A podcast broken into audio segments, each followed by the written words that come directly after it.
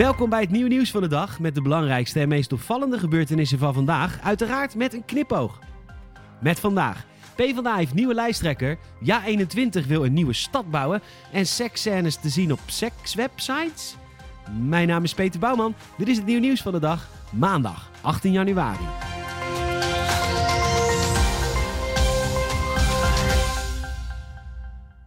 Arie blijft lekker Kamervoorzitter en Abu Talib vindt het prima in Rotterdam. Lilianne Ploemen wordt de nieuwe lijsttrekker van de PvdA. Ze volgt hiermee Lodewijk Asscher op, die vorige week opstapte vanwege zijn rol in de kindertoeslagenaffaire. De 58-jarige Ploemen was in kabinet Rutte 2 minister voor ontwikkelingssamenwerking en was de afgelopen vier jaar Kamerlid en visiefractievoorzitter bij de PvdA. Ze stond nu al op nummer 3 op de lijst en trad de afgelopen dagen al op als waarnemend fractievoorzitter. Gefeliciteerd Lilianne!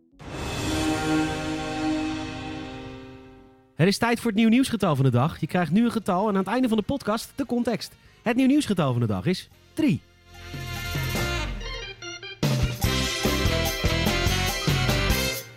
De nieuwe partij van Joost Eertmans en Annabel Nanninga, ja, 21, heeft al een aantal zetels in bijna alle lagen van de politiek. Maar wat de partij nog niet had, was een partijprogramma. Daar is nu verandering in gekomen, want het programma is gedeeld met de wereld. De hoogtepunten. Er moet een nieuwe gemeente komen die plaats moet bieden aan 100.000 tot 150.000 inwoners. De gloednieuwe stad moet groen worden en veel laagbouw bevatten. Aangezien deze stad nog volkomen fictioneel is, kan ja 21 heerlijk dagdromen over een nieuwe creatie. Veel groen, mooie grondgebonden laagbouw, fraaie natuur, goede voorzieningen en een gezellig stadscentrum. Geen slaapstad dus, met een dood stadshart. De nieuwe stad zou niet alleen de woningnood oplossen, maar de bouw creëert ook veel werkgelegenheid, zo borstklopt de partij. Nu lijkt er in Nederland weinig plek meer beschikbaar om een complete stad uit de grond te stampen zonder de natuur te slopen. Maar dat lost ja 21 op door de locatie lekker vaag te houden. De keuze voor de locatie van de nieuwe stad zou worden bepaald op aanvraag vanuit de regio's en via inspraak van burgers en de provincies.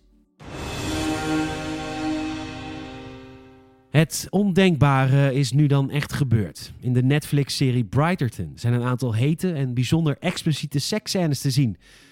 En wat denk je dat er is gebeurd? Ja, de seksscènes zijn nu ook te zien op sekswebsites. De acteurs zijn vreselijk geschrokken, want ja, een hete seksscène die wordt overgenomen op een sekswebsite. Het is. Ik heb er geen woorden voor. Gelukkig opent Netflix nu de aanval op de sekssites om de seksfilmpjes te verwijderen. Overigens is hoofdrolspeelster Phoebe Dannevor zo trots op haar cinematische sekswerk dat ze de scènes doorspoelde toen ze het aan haar ouders liet zien. Gelukkig kunnen de ouders hun dochter nu gewoon zien via Pornhub. Dierennieuws.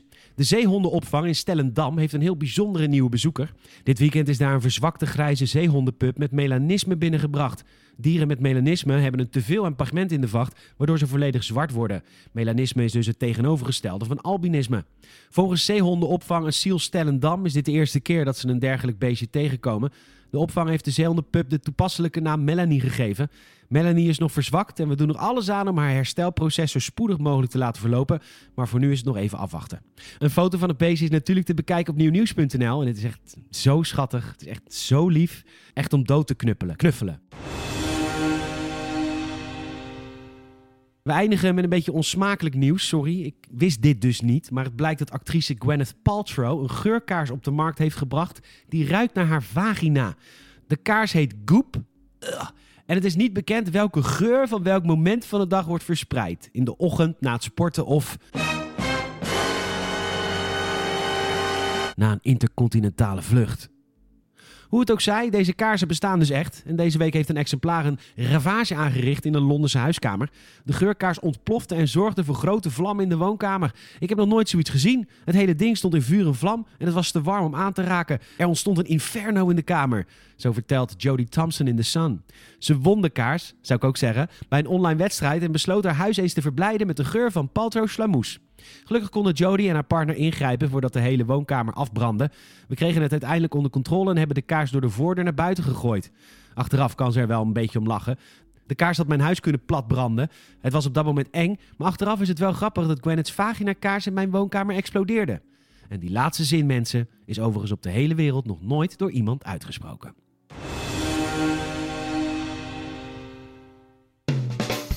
Het nieuw nieuwsgetal van de dag is 3. Goed nieuws voor regisseur Steven Spielberg. Hij heeft het eindelijk voor elkaar gekregen dat zijn stalker een contactverbod heeft. De komende drie jaar hoeft de filmmaker zich niet meer druk te maken om de vrouw die hem lastig valt. Spielberg is al een tijdje bezig met het contactverbod. En de rechter heeft zijn stalker Sarah Char nu verboden om nog in de buurt van de filmmagnaat te komen. Zij zou Spielberg al maanden lastigvallen met het doodbedreigen. Zo serieus zelfs dat Spielberg een vuurwapen heeft aangeschaft. Daar heeft hij de komende drie jaar in ieder geval geen last meer van. Bedankt voor het luisteren. Help het nieuwe nieuws van de dag te groeien en vertel een vriend of vriendin over deze podcast. Laat ook even een Apple Podcast review achter. Check elke dag nieuwnieuws.nl voor het laatste nieuws. En volg ons ook even via YouTube, Instagram, Facebook, Twitter en TikTok. Tot morgen.